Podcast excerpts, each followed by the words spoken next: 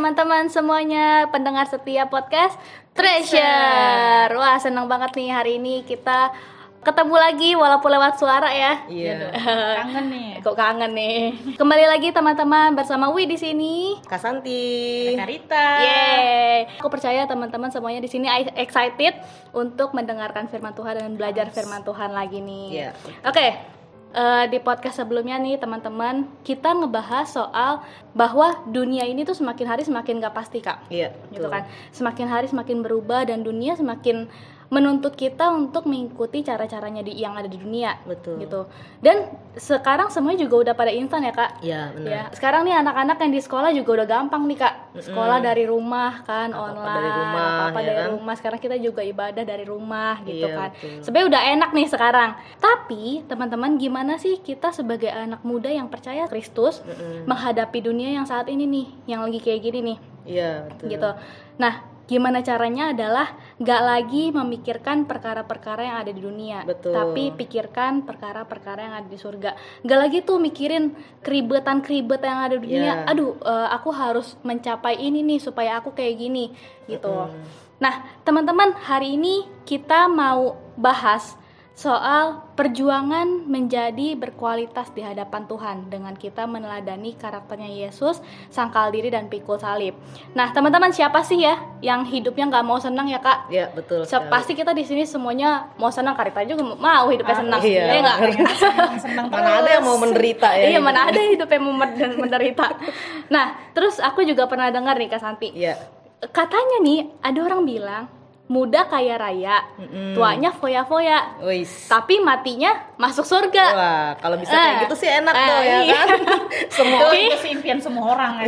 Kayak hidupnya gampang banget iya. gitu ya.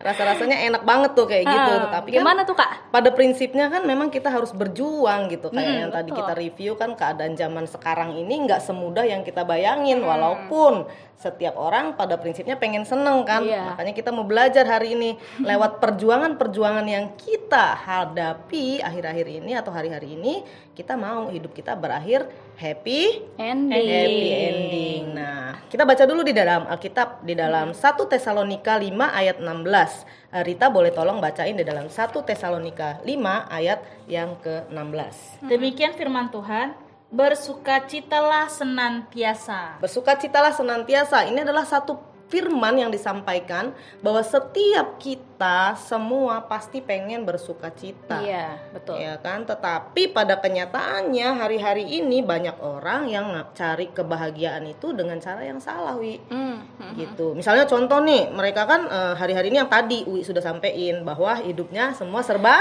Instan. instan. Jadi mereka karena semuanya serba instan, ya mereka akan bilang gini, ya nikmatin aja hari ini, ngapain mikir hari depan Iya. yang belum pasti ya kan? Yang penting gue hari ini jalanin dulu aja gitu ya.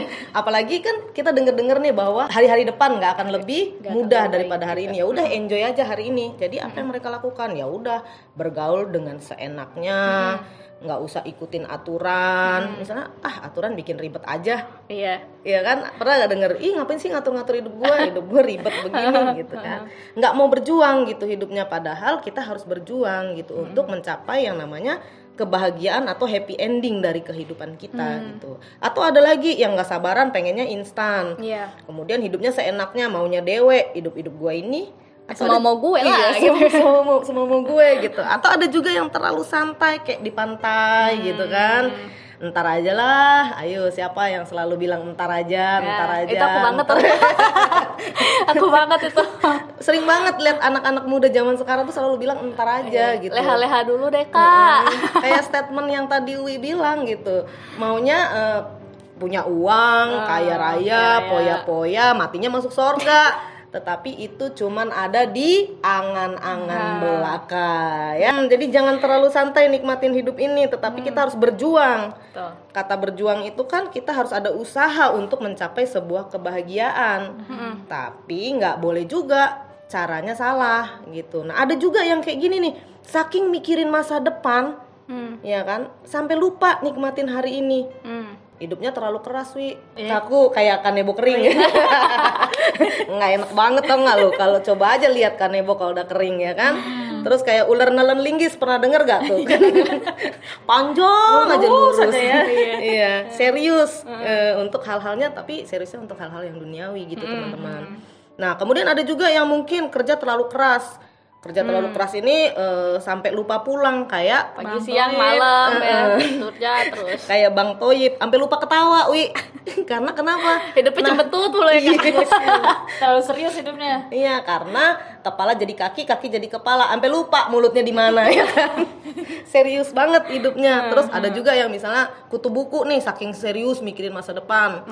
Ya kan? Belajar, belajar, belajar, mulu terus. sampai nggak bisa lakukan hal-hal yang lain gitu. Kenapa? Serius belajar. Belajarnya bener gak? Bener sih gitu, tapi jangan juga terlalu serius baca buku ini, baca buku itu, baca buku ini akhirnya lupa praktek ya kan. lama-lama hidupnya apa kata buku. Iya. Apa kata buku? Nah, itu contoh-contoh ya teman-teman ya bahwa banyak orang sebenarnya pengen cari kebahagiaan. Ini ke- karena hidup keras begini, mereka belajar serius karena mereka berharap masa depan mereka penuh dengan kebahagiaan gitu loh. Masa depan mereka berakhir dengan happy ending kalau di sebuah kisah gitu. Iya. Tetapi dengan cara-cara yang salah atau ada juga yang misalnya gini, Irita, Wi.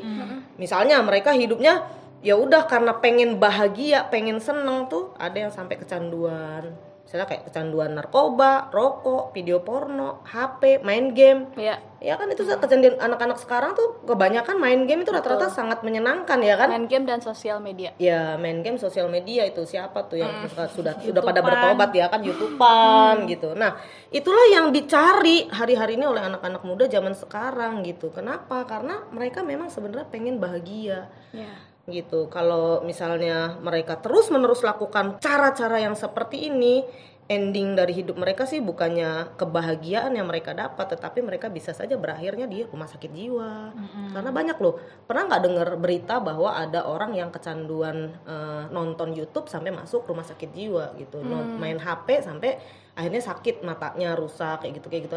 Akhirnya bukan kebahagiaan yang mereka dapat, berakhirnya di rumah sakit jiwa, di penjara karena akhirnya mereka mau cari sesuatu ya akhirnya mereka mencuri ya kan cu- pin- pinjem sih katanya pinjem uang mamanya tapi nggak bilang ya kan. Nah itu kalau masih pinjem punya mamanya masih nggak apa-apa. Ah, tapi banyak orang yang akhirnya sudah melakukan tindak kejahatan karena mau cari kebahagiaan yang sesaat Jadi itu. kriminal hidupnya. Mm-mm, jadi kriminal. Nah kemudian berakhirnya di kuburan ada yang meninggal. Kemudian yang lebih mengerikannya lagi ya berakhir di neraka teman-teman jadi nggak ada itu yang muda kaya raya tua foya-foya mati masuk surga nggak ada kalau mau mati masuk surga ya kita harus berju Berjuang. berjuang gitu di dalam kehidupan kita ini Apalagi gitu. kalau udah di kuburan, udah, udah di neraka, udah kita udah nggak bisa apa-apa ya kak. Iyalah, Kan kalau udah di, kalau kita di rumah sakit jiwa kita masih bisa sembuh. betul Kalau di penjara kita masih bisa bertobat, masih ada Betul. waktu. Tapi kalau kita udah di kuburan, em, masa kita bangkit lagi? ya Nggak bisa titik putar balik gitu ya, nggak bisa putar balik. sudah nggak bisa Nggak ada rambu putar balik soalnya. ada. Kalau sudah di neraka itu sudah lurus jalanannya itu nggak ada Ah, putar iya. baliknya gitu. Menyesal pun sudah percuma teman-teman Iya, gitu. Nah Tuhan sendiri sebenarnya mau kita berbahagia. Gitu. Jadi tujuan Tuhan hidup datang ke dunia ini untuk supaya kita semua berbahagia. Dan Tuhan mau kita berbahagianya senantiasa. Kata senantiasa itu artinya selamanya kita berbahagia tapi bagaimana caranya kita bisa berbahagia nah hari ini kita akan sama-sama belajar teman-teman ada tuh yang bilang bersuka citalah senantiasa artinya adalah kesenangan yang abadi kalau di film-film itu ada misalnya contoh ada siapa yang suka nonton film Nah ya, yang suka nonton Kerajaan-kerajaan ya. Iya. Disney, Disney. Eh, kalau kerajaan-kerajaan mah Putri, aku banget. ya kan kayak pernah princess, princess. Eh, eh, pernah baca dongeng-dongeng nggak? Iya, itu. Nah, gimana tuh kalimat terakhir dari se- sebuah dongeng atau sebuah kisah film dongeng? Akhirnya pangeran dan putri Menikah. menikah. Mereka Hidup bahagia selamanya. Nah, Bener apa? Nah, teman-teman, biasanya biasanya selalu di akhir cerita atau akhir buku bacaan yang kita baca waktu zaman masih kecil dongeng-dongeng ya, itu memang selalu akhirnya pangeran dan putri hidup bahagia selamanya. Nah, teman-teman tahu nggak bahwa bukan cuman kita yang punya impian seperti itu. Hmm. Ternyata Tuhan juga mau kita berbahagia. Betul. Makanya coba dibaca dulu di dalam eh, Yohanes 3 ayat 16. Karena begitu besar kasih Allah akan dunia ini, sehingga ia telah mengaruniakan anaknya yang tunggal, supaya setiap orang yang percaya kepadanya tidak binasa, melainkan beroleh hidup yang kekal. Ya, betul sekali. Jadi dari ayat ini menyatakan bahwa karena Yesus ingin kita hidup bahagia, dia tebus semua dosa kita gitu loh. Hal yang pertama dia lakukan adalah menyelamatkan kita dulu nih. Kalau kita sudah selamat, kita bisa menikmati kebahagiaan. Tapi gimana caranya kalau kita masih ada di dalam kegelapan kita bisa nikmatin kebahagiaan kan nggak mungkin gitu. Jadi Iya. hal pertama yang Yesus lakukan untuk supaya kita bahagia senantiasa itu adalah dia nebus dosa kita, wi. Hmm. Dia eh, memulihkan setiap kehidupan kita, menjadikan kita miliknya, harta kesayangannya loh. Spesial banget Iya, ya. spesial banget kita ini gitu. Jadi jangan cari kebahagiaan di luar Tuhan, jangan cari kebahagiaan dari hal-hal yang semu, teman-teman gitu. Jadi jangan keasikan main terus gitu kan, lupa belajar atau belajar terus lupa bermain. Jadi kita harus belajar sesuai, seimbang lah hidup ini gitu. Nah, itu yang pertama, kedatangan Tuhan adalah menebus dosa kita menjadi juru selamat. Ya. Yang kedua, dia ngajarin gimana caranya supaya kita benar-benar berbahagia dengan cara yang benar. Gitu. Nah, Terus gimana tuh kak caranya? Tadi kalau kakak bilang bahagia dengan caranya yang benar, bahagia dunia akhirat. ya semua orang pasti pengen ya hidup bahagia selamanya dunia akhirat lah kalau bahasa sekarangnya itu. Nah, gimana caranya kita akan bisa baca teman-teman baca di rumah ya di dalam Matius 5 ayat 1 sampai 12. Di dalam Matius 5 ayat 1 sampai 12 itu tentang sabda bahagia. Jadi pertama kali Yesus khotbah di bukit itu tentang kebahagiaan gitu loh. Nah, teman-teman bisa pelajari sendiri nanti di sana baca berbahagialah orang yang miskin, berbahagialah orang ini. Nah, gimana caranya supaya kita bisa berbahagia selamanya atau makarios? Ya kan makarios itu berbahagia selamanya. Kalau di di Matius itu ditulis 9 kali kata berbahagialah, berbahagialah, berbahagialah baru diakhiri dengan kalimat bersukacitalah dan bergembiralah. Ya kan? Nah, bagaimana caranya? Tadi Uwi bertanya. Cuman satu caranya, teman-teman. Change your mind. Berubah pola pikir kita gitu. Rita boleh baca di dalam Roma 12 ayat yang kedua. Eh, versi FAIH Jangan meniru tingkah laku dan kebiasaan dunia ini, melainkan jadilah orang dengan kepribadian yang sama sekali baru dalam segala perbuatan dan pikiran. Niscaya saudara akan mengerti dari pengalaman sendiri bahwa jalan-jalan Allah itu sempurna dan sungguh-sungguh memuaskan saudara. Iya, nah di sini dikatakan bahwa pengalaman kita sendiri ya kan. Jadi kita harus merubah pola pikir kita supaya kita bisa memiliki pengalaman sendiri bahwa bersama dengan Tuhan itu memuaskan. Bukan apa kata dunia, bukan apa kata orang. Nah di sini kita nggak boleh niru cara dunia. Cara dunia main game kita main game. Cara dunia pacaran pacaran ya kan cara dunia kita nggak boleh kita harus merubah pola pikir kita gitu Iya. karena kebahagiaan sejati yang memuaskan bisa kita dapat hanya ketika kita ada di dalam Tuhan. Hmm. Jadi kalau kita di luar Tuhan tidak ada kebahagiaan yang sejati. Ini perlu digarisbawahi ya teman-teman, jangan cari kebahagiaan di luar Tuhan. Karena di luar Tuhan kebahagiaannya hanya semu. Teman-teman nggak akan ada happy ending, nggak mungkin happy ending ya. Jadi eh, balik lagi, yuk kita baca di dalam Filipi 4 ayat yang keempat. Versi terjemahan baru ya. Mm-mm. Bersukacitalah senantiasa dalam Tuhan. Sekali lagi kukatakan bersukacitalah. Ya, ini juga dikemba- kembali eh, firman Tuhan mengingatkan kita bahwa bersukacitalah senantiasa di Dalam Tuhan. dalam Tuhan gitu. Sekali lagi kukatakan bersukacitalah. Jadi bersukacita yang abadi itu di dalam Tuhan, teman-teman. nggak ada di dalam game.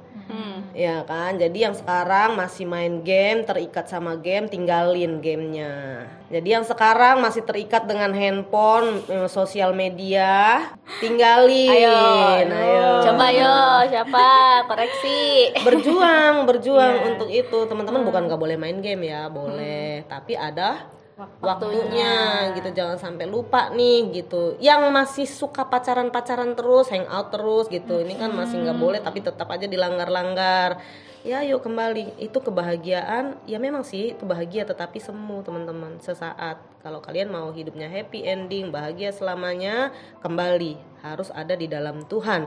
Nah Kak Santi bacain di dalam uh, Filipi 4 ayat yang keempat yang terjemahan sederhana Indonesia ya. Dikatakan begini bersukacitalah selalu karena sudah bersatu dengan Tuhan ya saya ulangi teruslah bersukacita Hmm, oke oke. ya teman-teman jadi bersukacita ini harus di dalam Tuhan Hmm.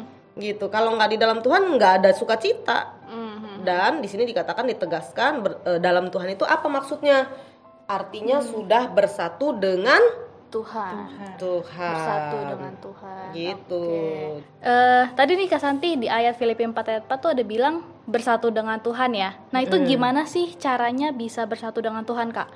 Ya, nggak ada cara lain, Wi. Kalau Kak Santi sudah pelajari, eh, ya Rita, eh, untuk kita bisa tinggal di dalam Tuhan dan bersatu dengan Tuhan, caranya cuman sangkal diri, pikul salib. Nggak ada cara lain gitu. Jadi, ya itu tadi untuk sangkal diri, pikul salib kita harus berubah. Kita harus berjuang, kita harus bisa merubah pola pikir kita gitu loh. Kenapa? Karena eh, nggak gampang memang, memang tidak mudah gitu. Tetapi ini cuma satu-satunya cara supaya kita bisa serupa dengan Kristus, supaya kita bisa hidup seperti Kristus dan tinggal di dalam Kristus. Yesus juga menyangkal, Menyangkal dirinya, dirinya. kan. Yesus juga disalib gitu loh, pikul salib setiap hari. Nah, coba Rita boleh baca di dalam eh, Lukas 9 ayat 23. dalam terjemahan sederhana Indonesia. Kemudian dia berkata lagi kepada semua muridnya, "Setiap orang yang mau mengikut aku, dia harus meninggalkan kepentingannya sendiri dan mengikut aku setiap hari dengan pikiran seperti ini. Sampai mati pun, bahkan sampai mati disalibkan, saya tidak akan mundur." Iya. Nah, itu kan terjemahan sederhana Indonesia. Kalau terjemahan eh, barunya berkata begini, katanya kepada mereka, setiap orang yang mau mengikut aku, ia harus menyangkal dirinya, memikul salibnya setiap hari dan mengikut aku. Nah, kata menyangkal diri artinya meninggalkan kepentingannya sendiri gitu. Nah, contoh kayak main game itu kan kepentingan sendiri. Iya. Kemudian eh, apalagi ya kalau contoh-contoh yang mementingkan diri sendiri itu kan kayak misalnya kerja itu kan kepentingan sendiri sih sebenarnya. Iya kan? Itu salah satu kepentingan diri sendiri juga loh. Banyak kok orang kerja bukan untuk kepentingan banyak orang tapi kepentingan diri sendiri gitu. Nah, itu harus ditinggalin. Itulah yang dibilangin menyangkal diri. Gitu. Berat ya. Mm-mm, berat memang. ya sangkal diri pikul salib setiap Tiap hari. Setiap hari loh. Setiap hari loh, guys. Bukan kadang-kadang. Setiap hari mikirnya gini loh. Maksudnya walaupun saya berat menghadapi kehidupan ini, kalau di terjemahan sederhana Indonesia yang tadi Rita baca kan, sampai mati pun bahkan sampai mati di kayu salib saya nggak akan mundur. Tuh, Nah ini yang dibilangin berjuang. Kata berjuang itu teman-teman cuma ada dua pilihannya, hidup Atau mati. atau mati. Jadi nggak ada kata mundur. Kalau mundur artinya mati. Makanya Tuhan sudah ingetin di dalam Lukas 9 ayat 23 itu. Ketika kita berjuang dalam keimanan kita untuk happy ending hidup kita, pikiran kita begini, sekalipun ya kan sampai mati, bahkan saya mati di kayu salib, saya tidak akan mundur. Itulah yang dibilangin pikul salib. Jadi eh, saya nggak tahu, Kasan nggak tahu perjuangan teman-teman bagaimana gitu, apalagi tengah-tengah dunia yang semakin jahat ini. Gitu. Tapi kita nggak boleh instan, segala sesuatunya itu memang butuh proses, teman-teman. Nggak bisa yang kita nanam hari ini besok panen, nggak mungkin. Kita harus benar-benar berjuang untuk setiap hal yang ingin kita capai. Nggak kayak di film-film ya kak. Kalau aku waktu itu pernah nonton, misalkan ada orang nih lagi dimasukin penjara gitu Iya, kan. heeh. Nah dia bisa tuh orang itu eh, ngasih uang supaya dia bisa keluar dari penjara. Itu kan instan ya. Iya, itu Dengan cara. kasih uang dia bisa keluar gitu. Ya, itu mungkin ada juga yang kayak gitu. Itu cari jalan pintas namanya. Hmm. Ya kan jalan pintas. Prosesnya belum selesai. eh, sudah dia bayar orang supaya dia bisa keluar padahal kan dia Iya. harus menerima eh, konsekuensi Iya, dari setiap hukumannya perbuatan gitu. Ha. Nah, teman-teman sama aja kayak eh, pernah tahu nggak cerita tentang kupu-kupu yang sama di dalam kepompong ya kan? Nah, kalau belum waktunya itu kupu-kupu keluar, misalnya kita coba bantuin nih, kita bukain itu kepompongnya, kupu-kupunya nggak akan pernah jadi indah dan nggak bisa terbang. Gitu. Cacat malah Cacat malahan ya. Nanti boleh lah teman-teman baru searching di YouTube gitu. Lihat tentang kupu-kupu itu kalau belum waktunya dia eh, keluar yang tadi kata Uwi cari jalan pintas. Teman-teman ini banyak orang cari kebahagiaan itu jalan, jalan Iya, pintas benar, loh. benar. Gitu loh. Pokoknya yang penting gue happy, yang penting gue happy. Nah, itu jalan pintas itu seperti kupu-kupu yang dalam kepompong belum waktunya keluar. Dia nggak happy ending. Bener-bener dia akhirnya setelah keluar pun dari kepompongnya itu dia nggak bisa terbang dengan indah, nggak bisa terbang dengan ting- terbang tinggi gitu kan. Kok berat ya katanya tadi. Iya benar teman-teman. Makanya kita harus mulai dari perubahan Pola. pola pikir kita gitu kalau kita merasa kok ikut Tuhan berat, kok ibadah berat, kok pemuritan berat, kok komsel berat, ya memang akan menjadi berat.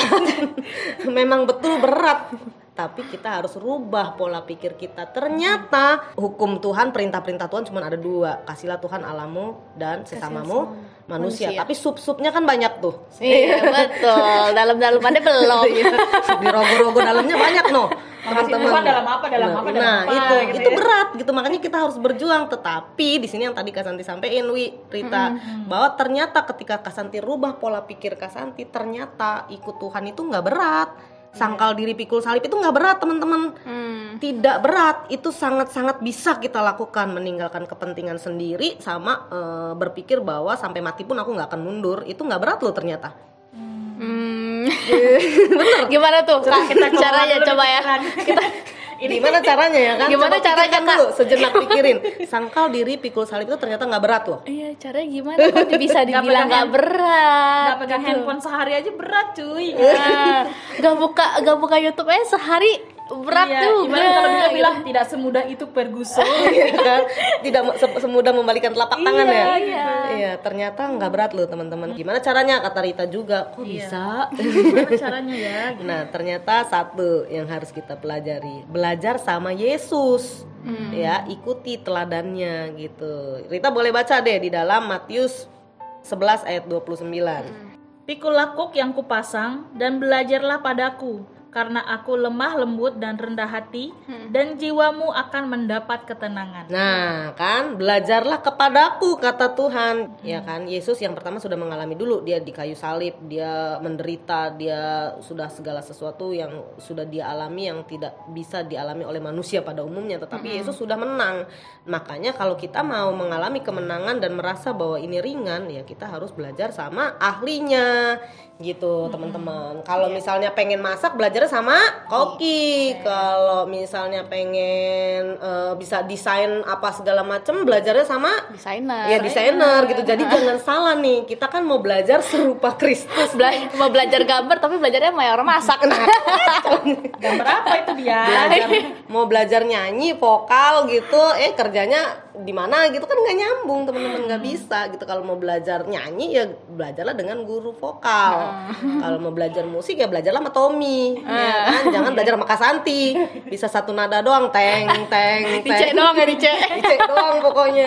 Nggak bisa teman-teman. Nah kalau kita mau belajar eh, memiliki teladan atau karakter Kristus sangkal diri pikul salib ini kan karakter Kristus Yesus yang minta gitu supaya kita bisa seperti itu.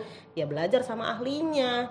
Ahlinya ya Tuhan Yesus. Gitu. Jadi di situ teladannya Yesus karena pikulah kuk yang kupasang dan belajarlah kepadaku karena aku lemah lembut dan rendah hati.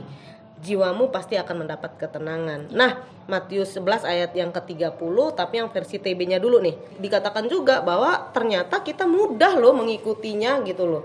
Kenapa? Karena pikiran kita doang tuh yang berpikir bahwa itu berat, itu berat, itu berat, maka jadi berat.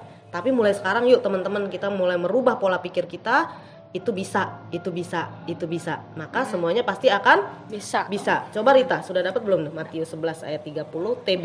Sebab kuk yang kupasang itu enak dan bebanku pun ringan. Ulangi coba Rita.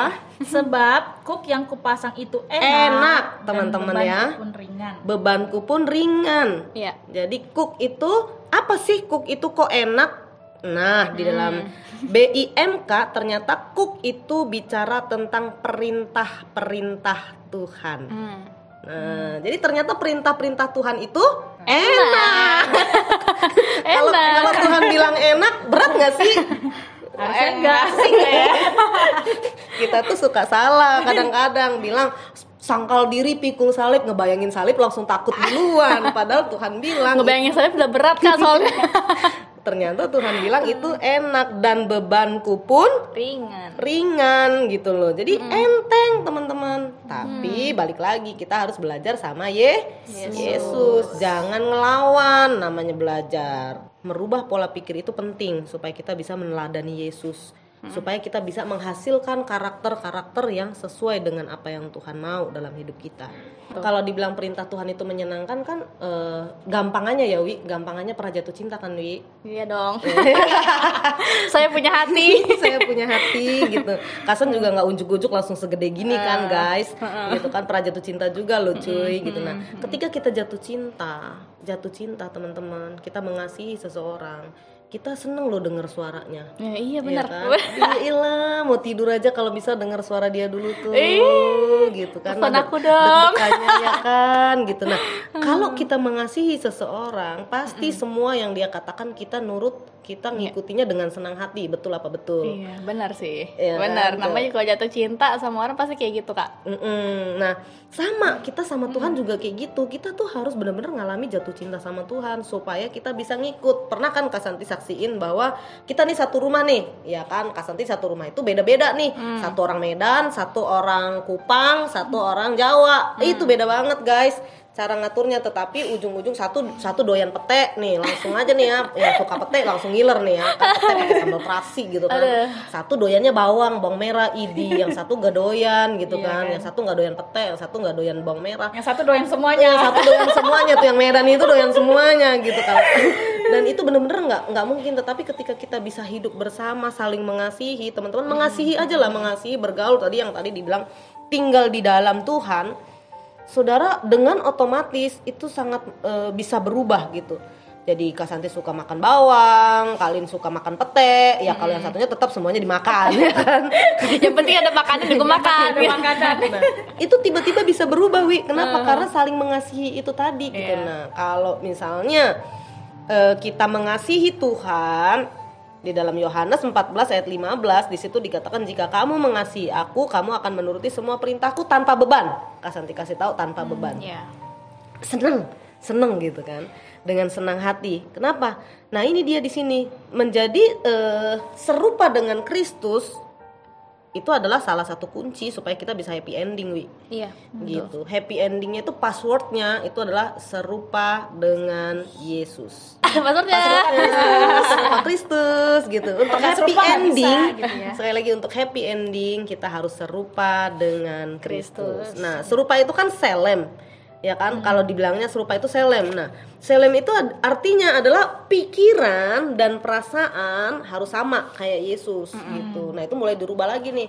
Kenapa? Karena kita waktu kita berdosa maka kemuliaan Allah kan hilang. Iya. Kemuliaan Allah itu bicara tentang apa? Pikiran dan perasaannya yang dulunya dikuasai Tuhan hilang dicuri oleh si iblis. Makanya nggak heran kalau sekarang pola pikir kita hilang diganti dengan pola pikir duniawi sama iblis. Nggak heran kalau sekarang pikiran kita dunia terus, dunia Iya, terus. Ya kan? Iya. Susah kan untuk eh, pindah ke pola pikirnya Tuhan. Mm-mm. Kalau i- ibaratnya kalau kita nih di sini udah duduk nyaman, mau pindah ke situ tuh udah males. Males, mager, Mager. mager, gitu. Nah itu yang makanya kan selem itu adalah perubahan pola pikir kita dari pola pikir dunia kembali kepada Yesus, pola pikir Allah gitu. Baru bisa eh, demut, demut itu karakternya seperti Yesus gitu loh. Yang sangkal diri pikul salib itu kan mender- eh, rela menderita gitu, rela ninggalin semuanya untuk Tuhan dan itu adalah hal yang bisa kita lakukan. Dan gimana caranya? Ya satu, kita harus mengasihi pribadi itu dulu. Kenapa? Ketika kita mengasihi seseorang, teman-teman, pasti Kak Santi berani jamin lu jatuh cinta sama orang, lu pasti nurut sama orang itu. Ketika kita jatuh cinta sama Tuhan, kita juga akan nurut semua apa yang Tuhan mau. Ketika kita menuruti perintahnya, kita taat, sadar atau tidak, teman-teman otomatis Kak Santi bilangin, kita menjadi serupa dengan dia Betul. karena dia adalah pribadi yang ta taat gitu. Baik lagi kan teman-teman kalau yang kita pelajari dari awal tadi itu kata bersatu dengan Tuhan artinya hidup bahagia selamanya, happy Iya. happy ending, teman-teman. Nah, kita boleh baca nih ayat yang terakhir nih. Di dalam eh, Roma 8 ayat 17 sampai 18. Eh, baca eh, Rita boleh baca dari FIH-nya aja. Dan karena kita anaknya, maka kita akan ikut memiliki harta kekayaannya. Ya. Sebab segala yang diberikan Allah kepada Yesus Kristus, anaknya, sekarang menjadi milik kita juga. Ya. Tetapi jikalau kita ingin mendapat bagian dalam kemuliaannya, maka kita harus juga mengambil bagian dalam penderitaannya. Namun penderitaan kita sekarang ini tidak ada artinya jika dibandingkan dengan kemuliaan yang kelak akan diberikannya kepada kita. Ya. Iya. Jadi udah nangkep ya, Wi ya. Kan kita mau happy ending nih hidup kita. Jadi yang statement awal tadi nggak berlaku, ya kan? Muda kaya Muda raya. kaya raya, tuanya foya-foya. Hmm, matinya Mati Surga. nggak ada, nggak ada, nggak ada. Itu sama sekali nggak ada. Jadi yang benar adalah yang di dalam Roma 8 ayat 17 sampai 18. Ya, dikatakan bahwa kita ini adalah anaknya. Kalau Iya. kita anaknya kita ini jadi ahli waris. Tetapi untuk jadi ahli warisnya eh, dalam kerajaan Allah kita harus ikut juga menderita. Gitu loh. Tanpa penderitaan kita nggak mungkin bisa gitu. Jadi penderitaannya dalam artian apa ya? Untuk ninggalin segala yang kita inginkan di dunia ini dan fokus sama Tuhan. Ya contoh lah ninggalin kes- kesukaan kita main HP lah misalnya. Itu kan penderitaan dulu awalnya loh gitu loh. Tetapi ternyata ketika kita nurut itu mah gampang gitu loh. Kalau Iya, kita iya, nggak bertindak nggak bisa. Jadi bertindak dulu nih ketika kita bertindak maka penderitaan yang kita alami di dunia ini tidak sebanding dengan kemuliaan yang Tuhan akan berikan kepada kita Iya. dan kita bisa bersatu dengan Tuhan dan hidup bahagia selamanya Yes. Happy ending. happy ending Jadi bukan happy ending yang kayak di film-film ya kak, Iya, bukan kayak betul. putri dan raja menjadi eh menikah dan bahagia sama nggak kayak gitu. Nggak. Tapi happy endingnya Tuhan tuh spesial banget. spesial banget. Iya. Kenapa? Karena memang selamanya ya kalau eh, di dongeng-dongeng itu kan ya kita nggak tahu ya. Namanya juga dongeng, namanya juga film. Kenyataannya juga nggak ada gitu, Iya, nggak bisa kita jamin. Tetapi kalau ini memang benar-benar Tuhan menjamin bahwa kita bersama Dia selamanya. Jadi sekali lagi bersukacitalah senantiasa dalam Tuhan. Sekali lagi kukatakan bersukacitalah. Iya. Kalau teman-teman mau hidup happy ending, ya jangan cari kebahagiaan semu yang ada di dunia. Tapi kita mau belajar untuk sangkal diri, pikul salib, berjuang. Betul. Ya, di tengah dunia yang semakin sulit ini, teman-teman jangan mager. Hmm, ya kan, karena tadi kita udah mager nih ya, eh, belajar dari rumah, kerja dari rumah, Iya. ngapa-ngapain dari rumah. Banyak waktu yang bisa kita gunakan supaya kita bisa berjuang sama-sama untuk tetap fokus mengasihi Tuhan, tinggal di dalam Tuhan, maka kita akan bisa bersatu dengan Tuhan. Terus sangkal diri pikul salib, karena ternyata sangkal diri pikul salib itu tidak berat seperti yang kita bayangkan. Mulai setiap hari katakan bahwa saya bisa melakukan apa yang Tuhan mau. Iya. Tapi jatuh cintalah dulu sama Tuhan supaya lebih ringan, teman-teman. Jatuh cinta nang. Jatuh cinta. Jangan cuma sama dia doang nang. iya, Cinta gitu. rasanya. Oke, ya teman-teman ya, Kak Santi berharap bahwa kita semuanya bisa berakhir happy ending ya. Happy Amin. ending itu gini. Ayo sekarang mulai sekarang coba bayangin, hidup ini sebentar akan berlalu. Tubuh Ya. ini akan mati dan dimakan ulat, dimakan cacing. Masalahnya nyawa ini loh Yang yang, Tuhan mati. incer. Jadi bukan cuma nanti loh bahagia, Tuhan mau dari sekarang. Ketika kita tinggal di dalam Tuhan, maka kita berbahagia mulai dari sekarang sampai selamanya Selamanya. gitu. Senantiasa. Selama-lamanya senantiasa. Jadi Yuk teman-teman kita semua boleh bersama-sama untuk menikmati Tuhan, menikmati kasih setia Tuhan. Jadi tujuan Tuhan datang ke dunia ini selain menyelamatkan kita, Dia mau kita semuanya berbahagia dan kebahagiaan yang Tuhan mau dalam hidup kita adalah kebahagiaan kekal. Ya. Kebahagiaan yang senantiasa di dalam 1 Betul. Tesalonika 5 ayat 16 di sana dikatakan bersukacitalah senantiasa. Ah, Artinya tidak ada akhir.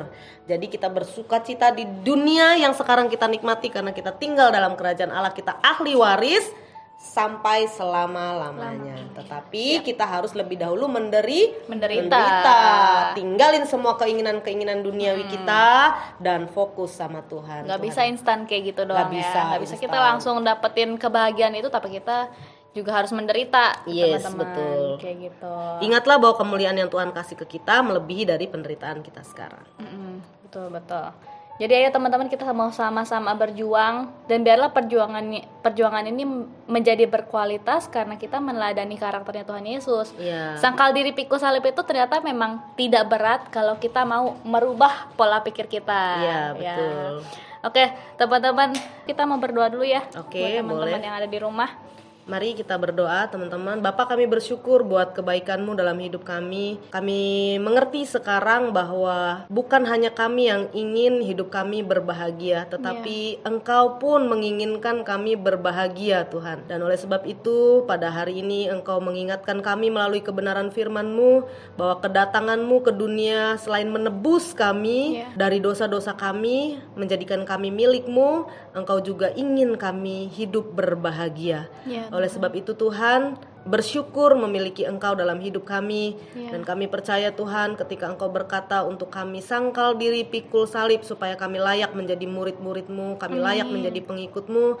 Ternyata itu adalah hal yang bisa kami kerjakan ketika kami terus meneladani Engkau karena Engkau rendah hati dan lemah lembut Ya. dan kuk yang kau berikan, perintah-perintah yang kau berikan itu ternyata enak dan Ya. bebanmu pun ringan. Dan kami bersyukur ketika Tuhan memberikan itu dalam hidup kami karena kami percaya ketika kami mengasihi Engkau, kami meneladani Engkau, segala sesuatu bisa kami kerjakan. Amin. Dan di dalam Engkau kami menikmati sukacita, bahagia yang senantiasa. Ya. Dan kehidupan kami akan berakhir bahagia bersama dengan Engkau selama-lamanya Tuhan. Terima kasih Tuhan, kami bersyukur untuk setiap orang yang mendengarkan podcast pada kesempatan ini Tuhan, mereka semua diberkati Ya. Dan mulai berpikir bahwa kami diciptakan untuk berbahagia selamanya bersama dengan Engkau. Ya. Di dalam nama Yesus kami berdoa dan mengucap syukur. Amin. Amin. Terima kasih teman-teman yang sudah mendengarkan. Selamat menikmati hidup yang berbahagia. Ya, Makarios. Makarios.